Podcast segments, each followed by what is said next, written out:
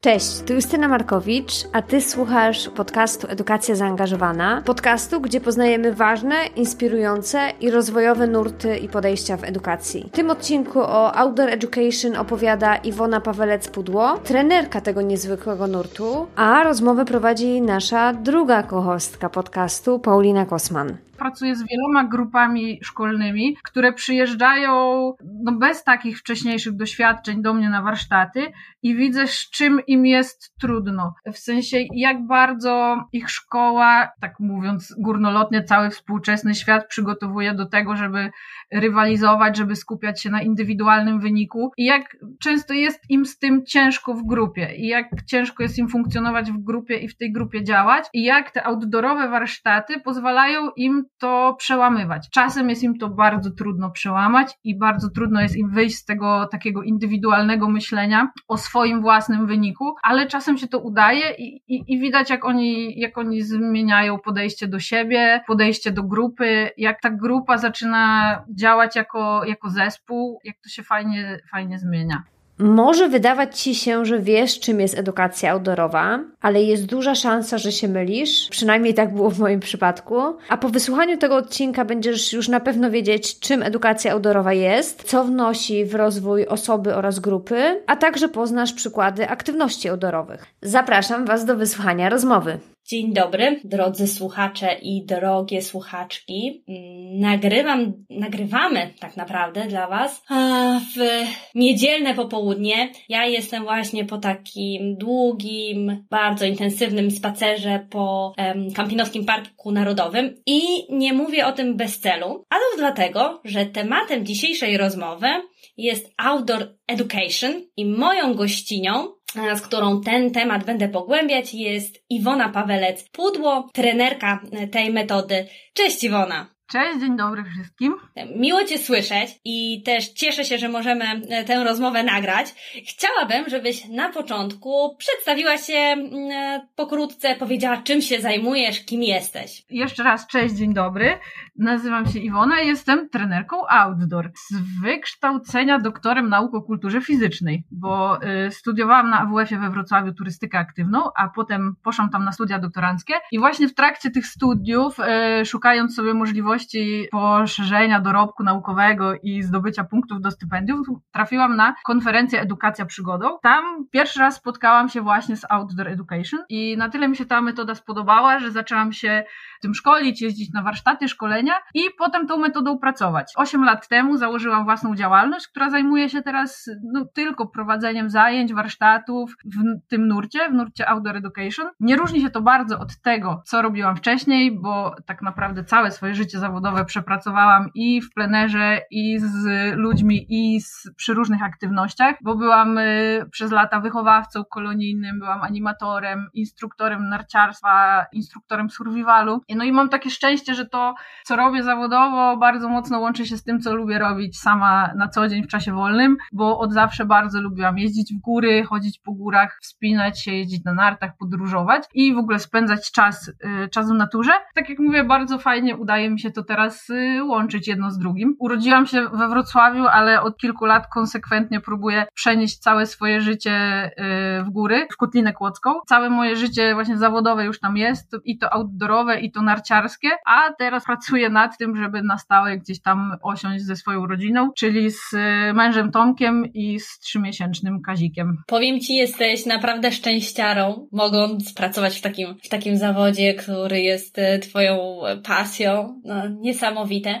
No i właśnie, Iwona, czym właściwie ten outdoor, outdoor education jest, a czym nie jest? Takie na początku, no wydaje mi się dość podstawowe, ale bardzo ważne pytanie. Tak, naj, tak najogólniej mówiąc, outdoor education jest metodą pracy z grupą ludzi, metodą y, rozwojową. I ciężko mi tutaj podać taką jedną definicję, ponieważ szczególnie w Polsce panuje dosyć duży bałagan terminologiczny. Nie mamy jednego terminu polskiego, który by odpowiadał temu outdoor education. Możemy spotkać w tym kontekście bardzo wiele różnych określeń. To może być pedagogika przygody, to może być turystyka przygodowa, edukacja przygodą, albo czasem po prostu y, mówi się trening outdoor. Z tych wszystkich określeń polskich ja najczęściej i najchętniej używam termin pedagogika przygody, ponieważ ta przygoda jest, jest tutaj takim ważnym czynnikiem rozwoju. Ta przygoda, czyli jakaś taka wspólna aktywność, to ona jest tutaj w tej metodzie, metodzie ważna, a nie tylko samo wyjście w plener, co można by sądzić po tym e, słowie outdoor. Bo nie każde wyjście na przykład z klasą poza mury szkoły i nie każda plenerowa impreza integracyjna dla firmy jest już outdoor education. Żeby mówić o,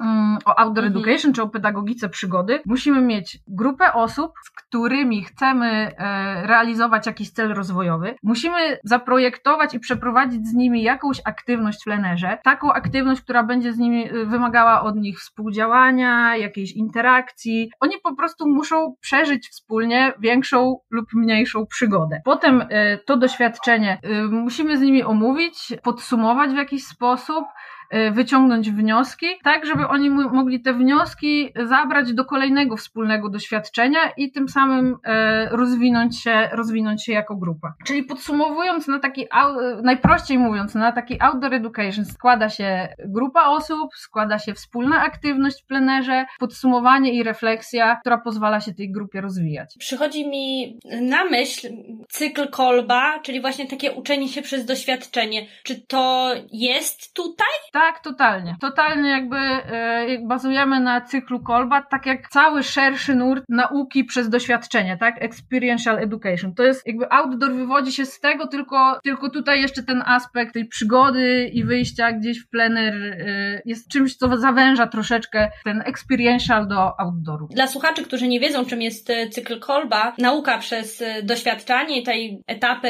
to jest doświadczenie, później refleksja, czyli co się stało, konceptualizacja, co to dla nas nas znaczy, no i później eksperymentowanie czy stosowanie tego mm, e, nowego mm, w codziennej rzeczywistości. I tak jak mówisz, to jakby jest to, tylko jest e, ten, ten dodatkowy aspekt, że to dzieje się przyrodzie. Tak, to, to doświadczenie, które, które oferujemy grupie, czy które, które grupa i jednostka w grupie przeżywa, jest zazwyczaj w plenerze. Pogłębiając właśnie temat outdooru, skąd on się w ogóle w Polsce wziął? Tak jak powiedziałaś na początku, jakby tych nazw jest wiele, są one różne, ale on się też nie narodził w Polsce, tylko do nas przywędrował. Tak, to prawda. To znaczy, z jednej strony ja uważam, że outdoor w Polsce był, chociażby w ruchach harcerskich, które, które działają w sposób zbliżony i wydaje mi się, że dużo można jakby dużo analogii, dużo analogii znaleźć w tych metodach harcerskich do e, metod outdoorowych. Co ciekawe, on za granicą, w Kanadzie, tam gdzie powstał, wyelu, wyewoluował też ze scoutingu, z czegoś pokrewnego, pokrewnego do harcerstwa. Natomiast w tym momencie to, jak pracujemy metodami outdoorowymi w Polsce, wzięło się z inspiracji tym, co wykorzystuje się e, właśnie w Kanadzie, w Niemczech, na Wyspach Brytyjskich czy w, Skandynawii. Bo to są kraje, które te metody outdoorowe mają bardzo rozpowszechnione i są obecne jakby w takim publicznym systemie szkolnictwa, w edukacji, w wychowaniu.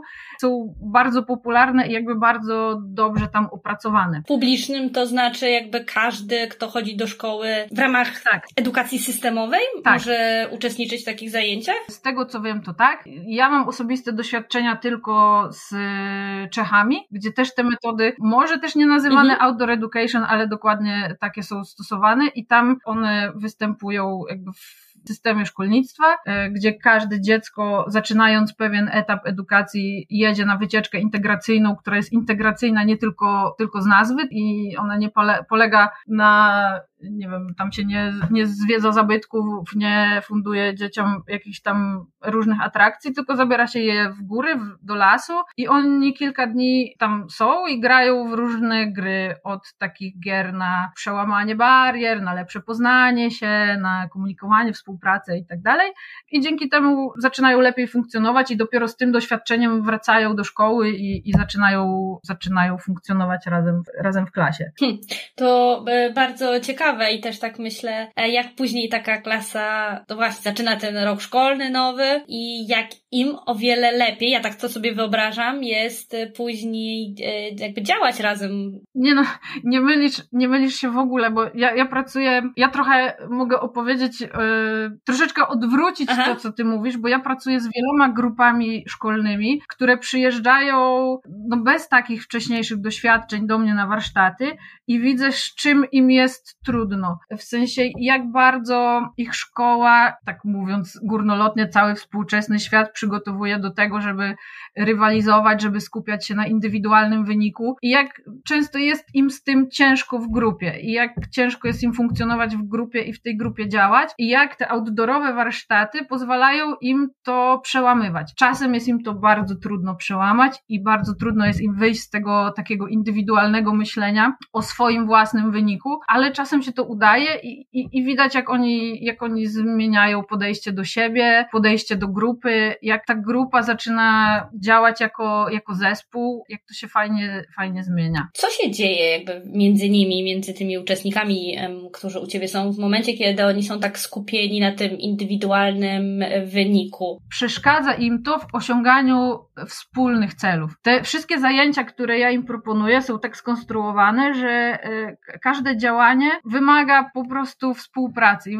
wymaga działania wspólnie. A i przede wszystkim, jakby jest to zadanie czy wyzwanie dla całej grupy. Teraz, jeżeli ktoś jakby nie potrafi pomyśleć o tym, co dobrego mogę zrobić, żeby cała grupa osiągnęła jakiś cel, tylko myśli, co mogę zrobić, żeby uzyskać jak najlepszy wynik, to jest bardzo trudno takie zadanie wykonać. I czasem oni się bardzo mocno frustrują tym, że nie udaje im się pewnego celu osiągnąć, ale tak bardzo mocno ich trzyma ta potrzeba, y, potrzeba rywalizacji, że uniemożliwiają sobie jednocześnie osiągnięcie tego, y, osiągnięcie tego celu. Mówisz o tych zajęciach właśnie z młodzieżą i tak sobie myślę, ilu dorosłych w dzisiejszym świecie mamy właśnie takich, którzy tak bardzo są skoncentrowani na, e, na sobie. Też takie mam poczucie, że w związku z tym, w związku z tą koncentracją, tym takim e, silnym egocentryzmem, czy nie wiem, jednostkocentryzmem, jak to e, określić, mam takie poczucie, że, że wiele tych takich tematów, problemów współczesnego świata jest właśnie wynikiem tego, bo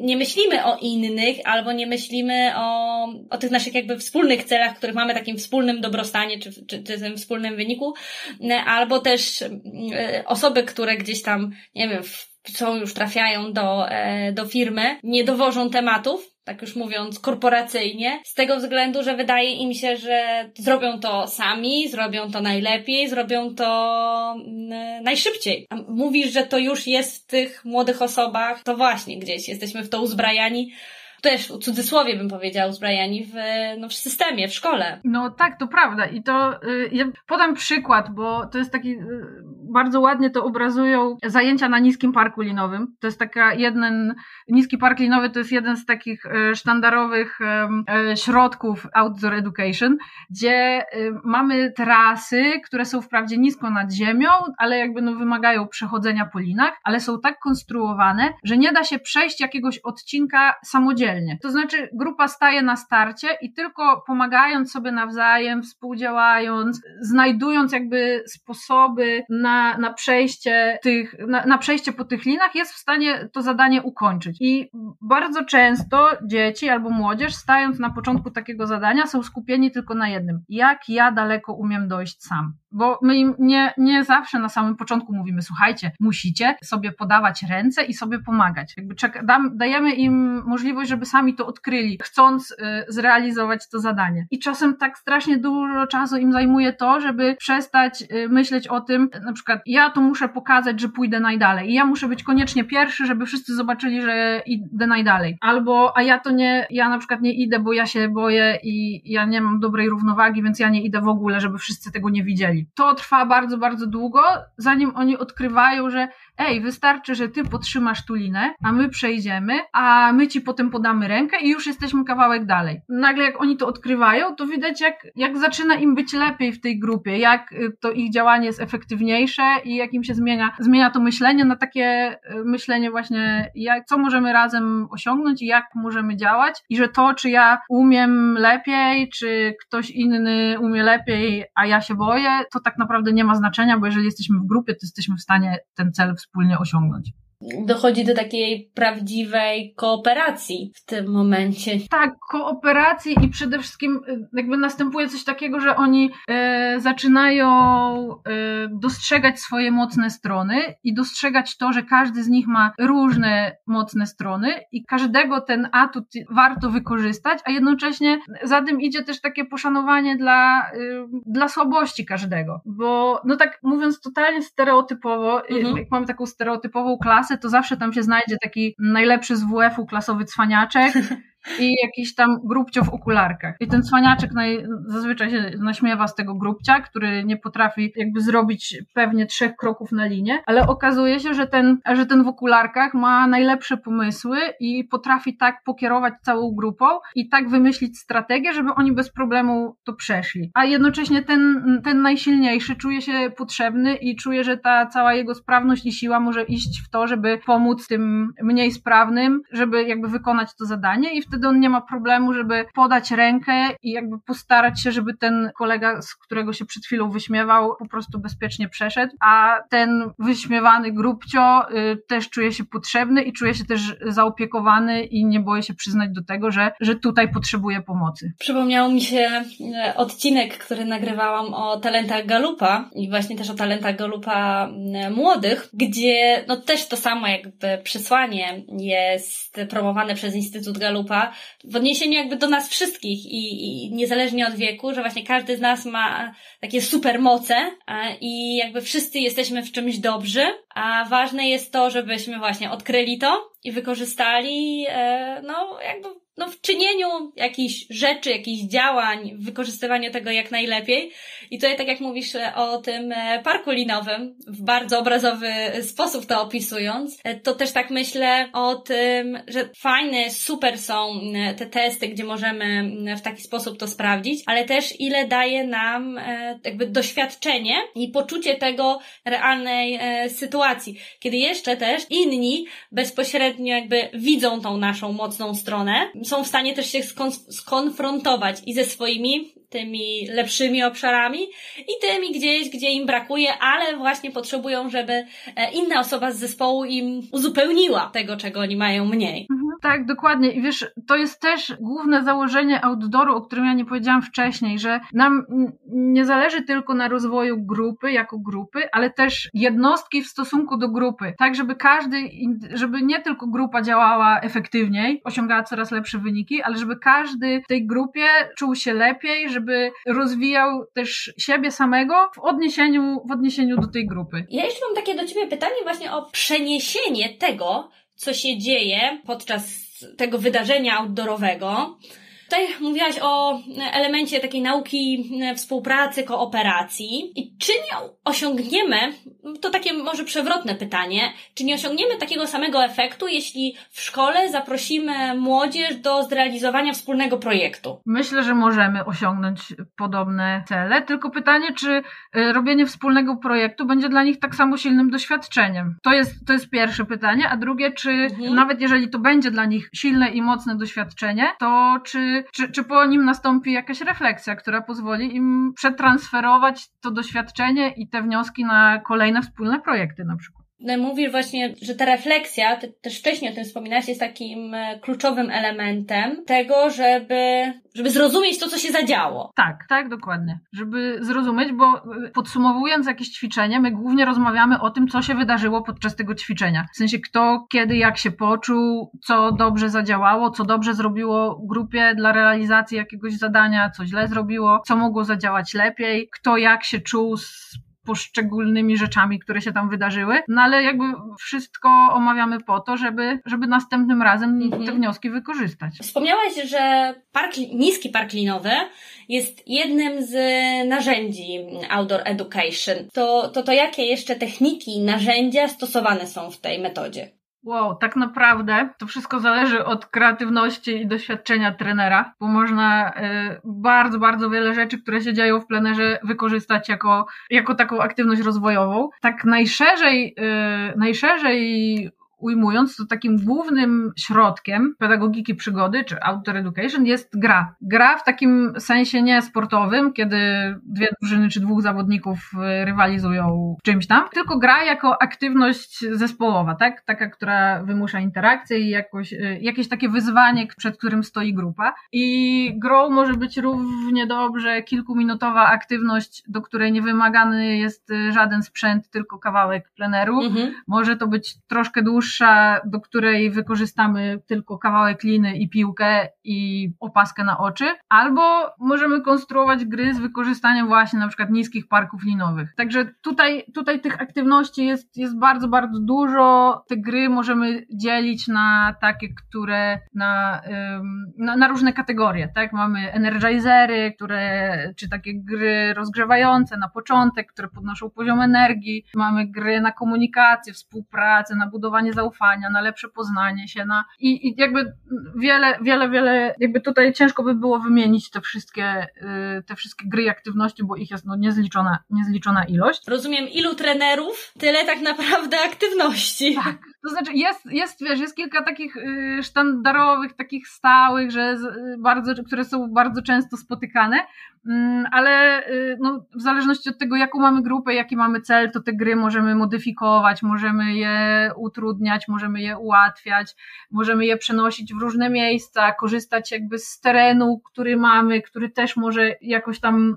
warunkować to, co się dokładnie będzie działo w tej grze. Ale poza, poza grami, takimi aktywnościami dla grupy, takimi narzędziami wykorzystywanymi w outdoor education. Mogą być różne formy turystyki aktywnej, mm, czy turystyki kwalifikowanej, bo o ile nie każda wycieczka w góry, nawet w grupie, będzie taką formą, taką metodą treningu grupowego, to nie znaczy, że nie może być, bo wspólne wejście na jakiś szczyt, kiedy potraktujemy je jak, jako zadanie grupowe, kiedy na przykład każdy będzie odpowiedzialny za inną część przygotowania tej wycieczki, kiedy grupa ustali wspólnie trasę, E, kiedy ktoś będzie prowadził wycieczkę, ktoś załatwi prowiant, a ktoś przygotuje, mm, nie wiem, przygotuje. Namioty. Tak, no, ale tak, o, o namiotach to jeszcze, ale, yy, ale w każdym razie takie formy turystyki aktywnej są bardzo często urozmaiceniem takich dłuższych programów outdoorowych, bo wiadomo, że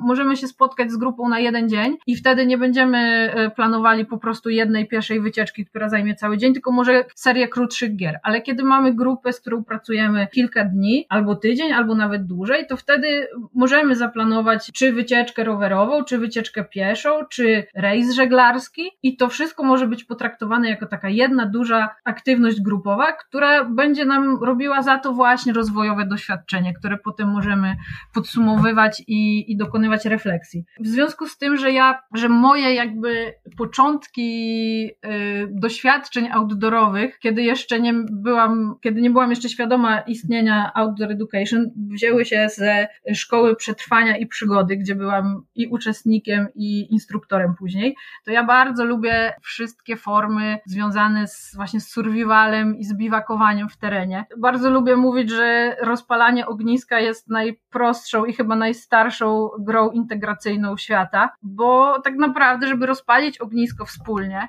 i tak bez podpałki do grilla i zapałek, tylko w takich trudniejszych warunkach, no to, to, to jakby to, to jest aktywność grupowa, tak? To jest aktywność, która wymaga podziału zadań, która wymaga dogadania się, która wymaga jakiegoś tam działania we wspólnym celu i kiedy to wszystko jakby się zadzieje, to ciach, to ognisko da się, da się rozpalić. I to jest, to jest coś, co ja wykorzystuję bardzo często na warsztatach z dziećmi i młodzieżą, ale też y, jestem w stanie sobie wyobrazić taką, takie większe warsztaty dla dorosłych, gdzie oprócz rozpalania ogniska na przykład gotujemy, e, gotujemy na tym ognisku dwudaniowy obiad z deserem i to już jest też jakby super grupowe doświadczenie, w którym może się zadzieć to wszystko, co podczas gry na niskim parku linowym, czy podczas jakiejś innej, innej gry outdoorowej. Aż się zrobiłam głodna, jak wspomniałaś o tym e, wspólnym gotowaniu dwudaniowego obiadu na ognisku. chciałabym Cię teraz dopytać o takie główne, główne zasady właśnie uczestnictwa w takich zajęciach, bo słyszałam o jednej z kluczowych, czyli takiej dobrowolności, challenge e, by e, choice. Czy są jeszcze jakieś i czy mogłabyś też więcej powiedzieć o tej zasadzie? Challenge by choice jest, no jest jedną z najważniejszych zasad, którymi się musimy kierować, jak pracując z grupą metodami outdoorowymi. I to się wiąże też z tą teorią wyjścia ze strefy komfortu. Ja wiem, że teraz jakby wyjście mhm. ze strefy komfortu jest takim frazesem już y, powtarzanym przy każdej okazji i trochę chyba wyświechtanym. Nie wiem, czy się ze mną zgodzisz? Tak, tak, zgodzę, zgodzę się z tobą. No właśnie. Jak w takim razie ten challenge by choice ma się do wyjścia ze strefy komfortu, no bo jednak dajemy wybór, więc jakby ten człowiek wcale nie musi wychodzić z tej strefy komfortu. Tylko, że jakby mm, zakładamy w audytorze, że musi wyjść, żeby nastąpił jakiś, jakiś rozwój. Kiedy wykonujemy zadania i czynności, które są dla nas rutyną, które są dla nas łatwe, które nie są dla nas wyzwaniem, to y, to, to nie jest rozwojowe. I dlatego to wyjście ze strefy komfortu jest potrzebne, natomiast w challenge by choice chodzi bardziej o to, żeby nie wciągnąć uczestników w tą strefę jakby z drugiej strony, czyli w strefę paniki. My jakby jako trenerzy musimy bardzo mocno pilnować, żeby uczestnicy naprawdę dobrowolnie dokonywali, dokonywali wyboru, że biorą udział w jakimś wyzwaniu. I dla jednego wyzwaniem będzie wejście, wejście na linę, która jest ileś tam nad ziemią, dla niektórych wyzwaniem będzie złapanie kogoś za rękę, a dla innych wyzwaniem będzie nawet, nie wiem, zawiązanie opaski na oczy. I teraz musimy dać taki bardzo jasny przekaz uczestnikom, że wszystko, co robimy, je, ma być ich dobrowolnym wyborem. Oni muszą chcieć podejmować jakieś wyzwanie. My ich oczywiście zawsze do tego zachęcamy, staramy się stworzyć takie warunki, żeby chcieli próbować, ale muszą mieć świadomość, że ani presja trenera, ani presja grupy nie powinna ich motywować do robienia rzeczy, których na przykład nie mają ochoty robić, bo już, bo czują się na tyle źle, że wtedy ani niczego się nie uczą, ani się nie rozwijają. I to jest, ja też wrócę znowu do grup szkolnych, bo to jest też temat, który przerabiamy i który ja się nauczyłam bardzo mocno podkreślać z dziećmi i młodzieżą, bo oni często te nasze propozycje zadań i ćwiczeń traktują trochę jak w szkole, że to są rzeczy, które oni muszą wykonać, tak? Że są, tak jak są na lekcji, mają listę zadań, to to też jest lista ćwiczeń, którą po prostu muszą wykonać. I ja muszę im bardzo wyraźnie i wprost mówić, jeżeli nie chcesz, nie musisz. Jeżeli ci się nie podoba, źle się w tym czujesz, to naprawdę nie musisz tego robić. I to też fajnie działa. To też, to też mi się podoba, bo widzę, jak zaczynają świadomie dokonywać tych wyborów i jak jakby podejmują pewne wyzwania, dlatego, bo widzą w tym ciekawe doświadczenie i coś, że, że dzięki temu mogą się czegoś nauczyć, coś fajnego przeżyć i i zdecydowanie lepiej to działa, kiedy oni mają takie poczucie, że mogą wybrać. Tutaj mm, bardzo dobrze widać, jak outdoor education jest ukierunkowany na każdą, jakby praca jest w grupie, tak, ale na każdą e, jednostkę i na tą różnorodność tak naprawdę. Tak jak, tak jak mówiłaś, no jakby dla każdego ta strefa komfortu, no jakby będzie kończyła się w innym miejscu. Nie jesteśmy wszyscy tacy sami. No to jest e, podejście pozwalające, czy pokazujące też taki, no, szacunek do jednostki i do jej indywidualnych potrzeb. Tak, dokładnie, bo jakby nie możemy mówić o, o, o grupie w momencie, kiedy ktoś w tej grupie czuje się źle, albo czuje, że jej, że te jej granice nie są w jakiś sposób respektowane. Mm, I tak jak mówisz, że, że dla każdego gdzie indziej zaczyna się i kończy strefa komfortu, y, to znaczy tam, gdzie, że dla każdego gdzie indziej za, y, kończy się strefa komfortu, tak samo gdzie indziej zaczyna się strefa paniki. Właśnie w outdoorze pracujemy też dużo z ryzykiem, w sensie z takim, bardzo często z takim ryzykiem subiektywnym, takim uczestnicy mają poczucie, że podejmują jakieś działania ryzykowne. Naszą rolą jako trenerów oczywiście jest pilnowanie, żeby to ryzyko faktyczne, obiektywne było w granicach dopuszczalnych, tak, żeby, to, żeby tam nie stwarzać niepotrzebnego niebezpieczeństwa dla uczestników. Natomiast y, każdy ma inny, inny sposób postrzegania tego ryzyka i dla każdego gdzie indziej zaczyna się ta strefa paniki i to trzeba bardzo respektować i pilnować, żeby ktoś nie został chociażby pod presją grupy wepchnięty właśnie już poza tą, poza tą strefę rozwojową i nie znalazł się w tej strefie, w której jest mu i niekomfortowo i, i na pewno niczego, niczego nie, nie wnosi i też fajnie, kiedy grupa uczy się, że, że właśnie każdy, każdy ma te wszystkie, te, każdą z tych granic gdzie indziej. Wydaje mi się, że to wymaga bardzo dużej takiej uważności od e, trenera, żeby, wiesz, tą każdą osobę zauważyć. Tak, tak, to prawda, to, jest, to nie jest łatwe, tylko chyba się cały czas trzeba uczyć i, i jakby nabierać doświadczenia w pracy z ludźmi i, i dzięki temu to się jakby można to zauważać, natomiast no, jakby ja staram się właśnie zawsze o tym bardzo głośno i wyraźnie mówić, że, że zawsze jest wybór, żeby się, żeby nigdy uczestnicy nie czuli się, nie czuli się zmuszeni do, do wykonywania jakichś zadań. Gdy pytałam Ciebie o te narzędzia i techniki, zaczęłaś wymieniać ćwiczenia, które jakby uczą pewnych kompetencji. Chciałabym troszeczkę wrócić do tego momentu, dopytać o te cele, jakie można realizować przez Outdoor Education, bo powiedziałaś też, że ten rozwój jest jednym z kluczowych elementów takiej aktywności outdoorowej. Jakby bez tego założenia rozwoju taka aktywność outdoorowa nie jest Outdoor Education, więc jakie cele mogą być realizowane przez Outdoor Education? Może na początku tutaj postawię ten znak zapytania. Tak naprawdę tych celów może być bardzo dużo i wiele można, można realizować tymi metodami. Takim mm, myślę, że mm, bardzo powszechnym celem, który realizujemy metodami outdoorowymi jest bardzo szeroko pojęta integracja.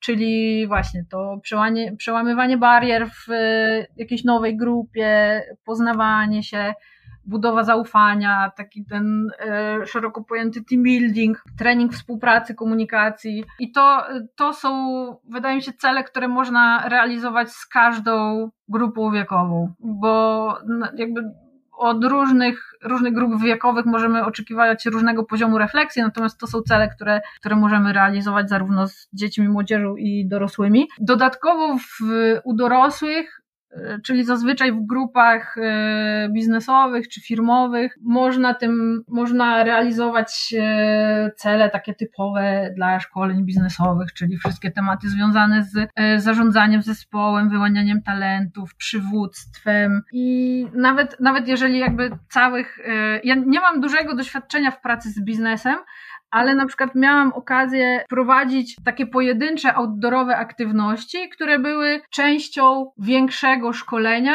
które w większości odbywały się w sali szkoleniowej i przy flipcharcie, ale jakby wyciągały na chwilę tylko grupę gdzieś tam w plener, dawały mi jakieś takie jedno doświadczenie, które było tylko uzupełnieniem jakiegoś tam szkolenia. Tutaj powiedziałaś o tych e, różnicach, jakby jakie jeszcze te cele mogą być w przypadku osób dorosłych. A w ogóle czy jest jakaś różnica w prowadzeniu zajęć dla dzieci i młodzieży, a dla dorosłych? Może w prowadzeniu, ale też nie wiem, w tym jak te grupy nie, odbierają te outdoor education? Jako prowadzący zajęcia y, musimy dostosować trudność zadań do grupy wiekowej. Wiadomo, że inaczej skonstruujemy inne aktywności zaplanujemy dla dziesięciolatków, inne dla klasy licealnej, a inny dla e, grupy dorosłych menadżerów z korporacji. Także poziom trudności i stopień ryzyka to jest jedna rzecz, której, e, której my musimy pilnować, natomiast w samym prowadzeniu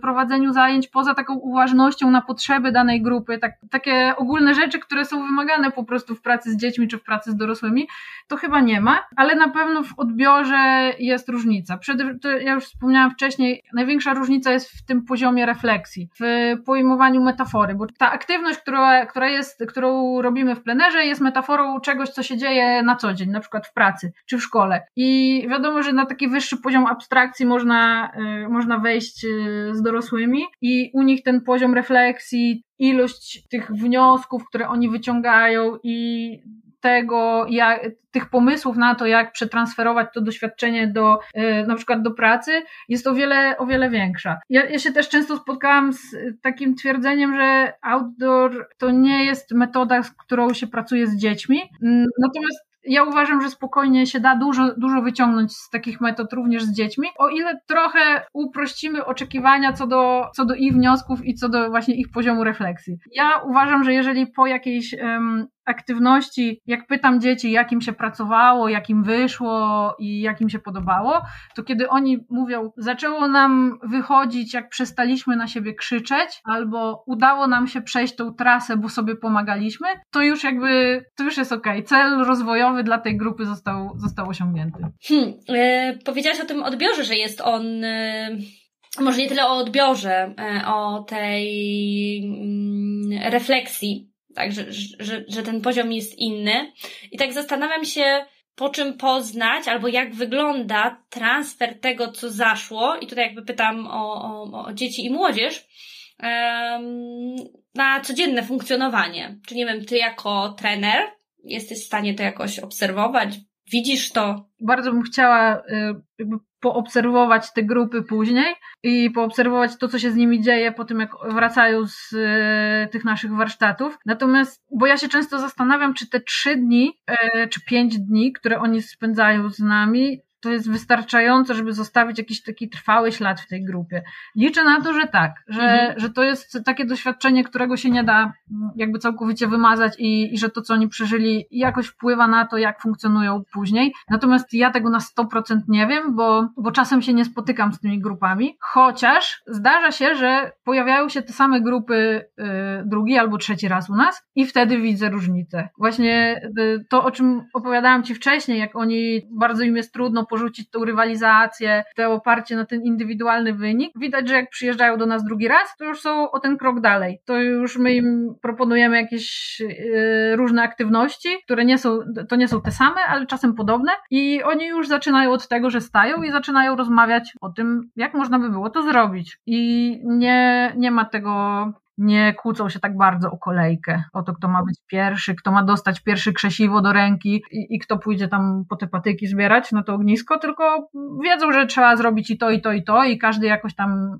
znajduje sobie swoją działkę, którą będzie, będzie mm, wykonywał i jakoś to, jako, jako, jakoś to idzie i wtedy można pracować z nimi dalej i jakby wchodzić w głębiej w to ich wspólne działanie i te interakcje. Czyli poszerzać można wtedy mhm. już ich taką tą samoświadomość i jako grupy, i jako jednostek, no bo tak jak mówisz, no jednak ta zmiana i nastawienie na kooperację to jest zauważalna. Tak, tak jest, tylko y, no tak jak mówię, trzeba najpierw pokonać te wszystkie trudności, i jakby nie oczekiwać, że y, takich kolokwialnie mówiąc fajerwerków zaraz przy pierwszej grze, co dla mnie wiesz, jako mhm. trenera było trudne na samym początku, bo po tych wszystkich warsztatach, na których ja się szkoliłam w obecności, jakby w towarzystwie innych edukatorów i trenerów, no to my wszyscy tam byliśmy tacy, wiesz, no każde ćwiczenie omawialiśmy, potem a tu nam się tak współpracowało, a tu tak, a tu tak.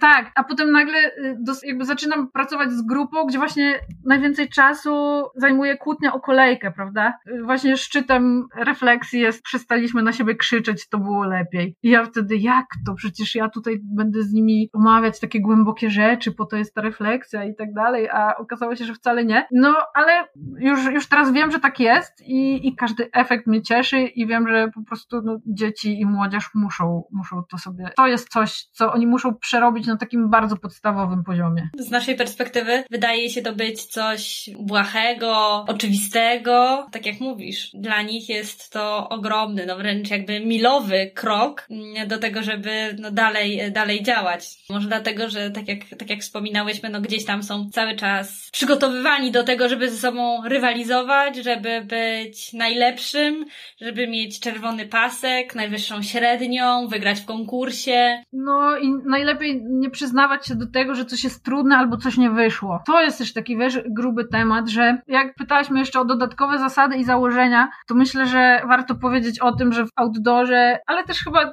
nie tylko w outdoorze, to jest chyba szerszy, szerszy temat, że chodzi o to, że błąd jest ok, że błąd i coś, co nie poszło jest, jest tym, co pozwala nam e, mhm. się rozwijać i co pozwala nam tych błędów nie popełniać, nie popełniać później. I z tym jest też bardzo trudno dzieciom i młodzieży. Oni są przyzwyczajeni do tego, że błąd jest e, czymś, co należy wypunktować i jakby, nie wiem, no, obniżyć za to ocenę. Często, wiesz, ja ich właśnie pytam na koniec jakiegoś, jakiegoś ćwiczenia, gdzie widziałam, że oni się, wiesz, e, pokłócili kilka razy, że ktoś tam chciał powiedzieć swój pomysł, ale nie został dopuszczony do głosu i pytam ich, było ok?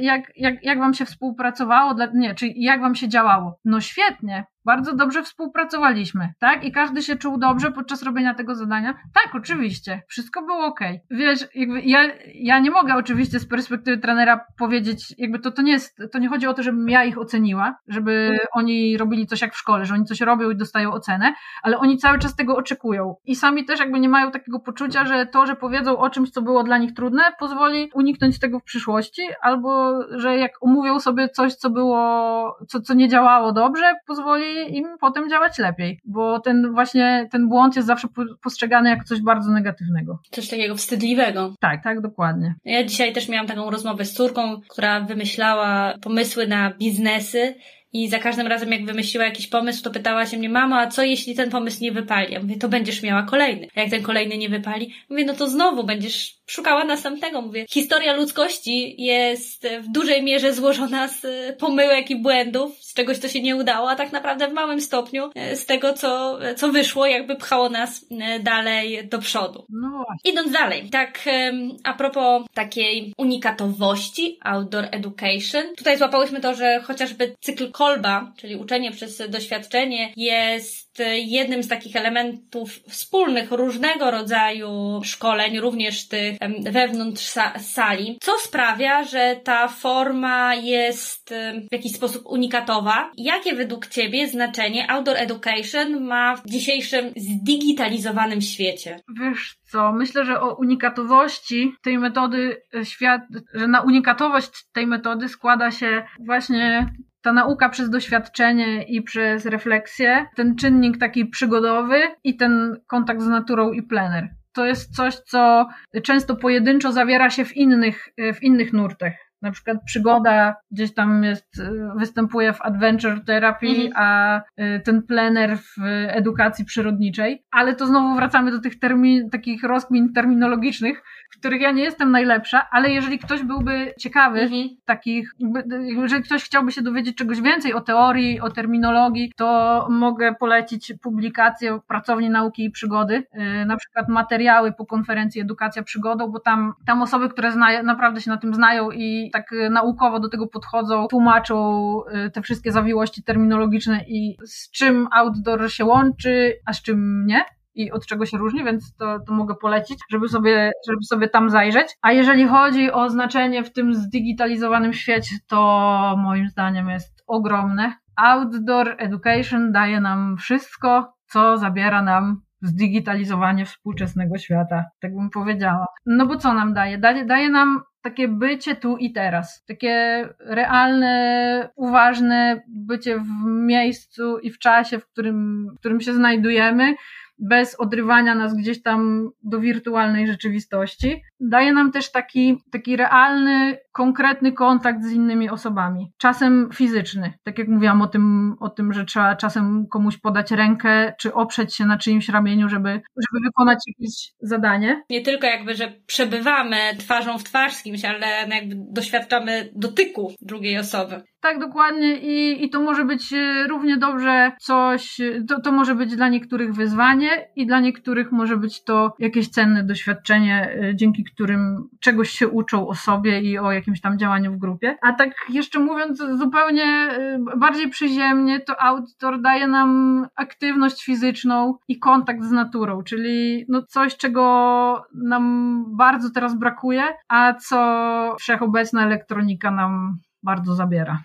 E, wrócę jeszcze do tego e, momentu, kiedy mówiłaś o stronie, gdzie będzie można znaleźć dodatkowe informacje. Linki e, będą w opisie do, do podcastu, więc stawimy to, o czym Iwona tutaj wspomniałaś, żeby każdy, kto ten odcinek przesłuchał, mógł sobie mm, zajrzeć i pogrzebać głębiej, jeśli chodzi o outdoor education.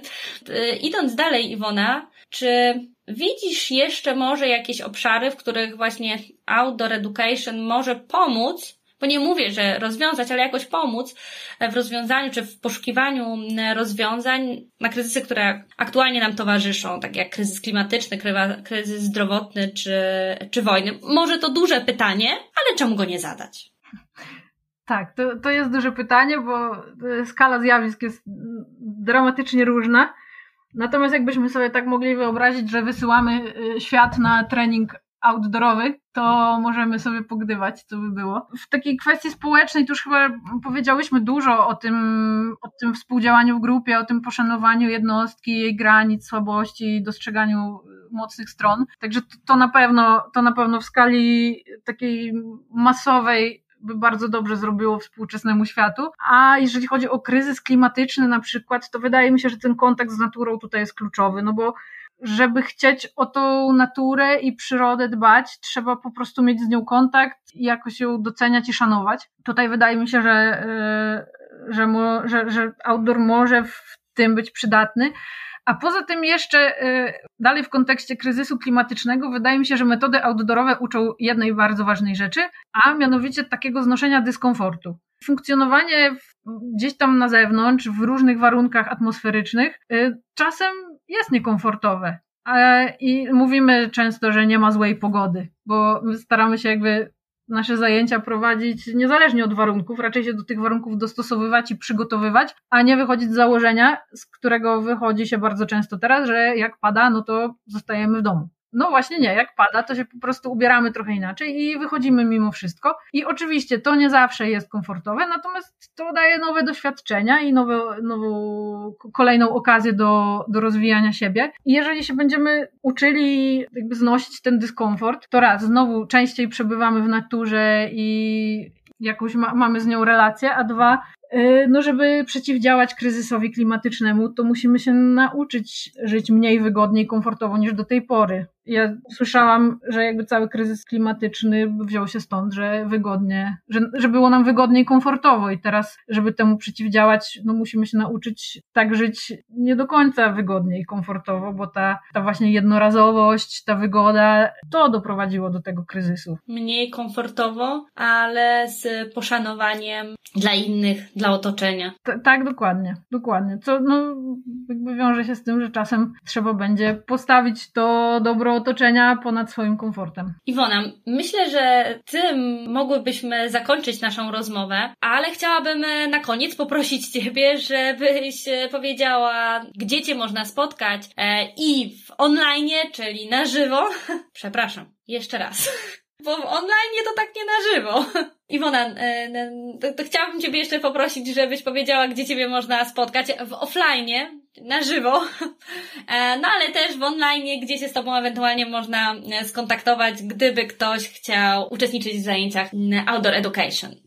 No to tak, yy, obecnie najbardziej można mnie spotkać z wózkiem w parku, ale to już, yy, to już niedługo, bo za chwilkę wracam w Góry Bystrzyckie, tam gdzie wspólnie ze schroniskiem PTTK Jagodna od lat robimy ten projekt Bystrzyckie dla Bystrzaków, czyli te wycieczki i warsztaty dla grup szkolnych, yy, o których tutaj troszkę opowiadałam i cały październik będziemy, będziemy tam działać z grupami i potem znowu na wiosnę, czyli maj-czerwiec. To jest taka no, bardzo duża, bardzo duża i najbardziej moja część, część działalności. Poza tym przygotowujemy się do, przygotowuję się do czegoś bardzo odległego w czasie, ale bardzo ważnego dla mnie, bo razem z pracownią nauki i przygody będziemy prowadzić we wrześniu przyszłego roku kurs y, budowy i pracy na niskich parkach linowych. To jest kurs przeznaczony dla każdego, kto chce poznać tą metodę i może poszerzyć o nią swój warsztat y, trenerski czy edukacyjny i tak jak mówię, mogę już, y, już teraz mogę na ten, na ten kurs zaprosić. W tym wirtualnym świecie to można mnie spotkać na, w mediach społecznościowych, na Instagramie i Facebooku, na profilach IWU Outdoor. Nie jestem mistrzynią systematyczności publikacji w social mediach, ale no, jestem tam obecna i też jest to jakiś kanał kontaktu. Bardzo się cieszę, że mogłyśmy porozmawiać. Jeszcze raz dziękuję.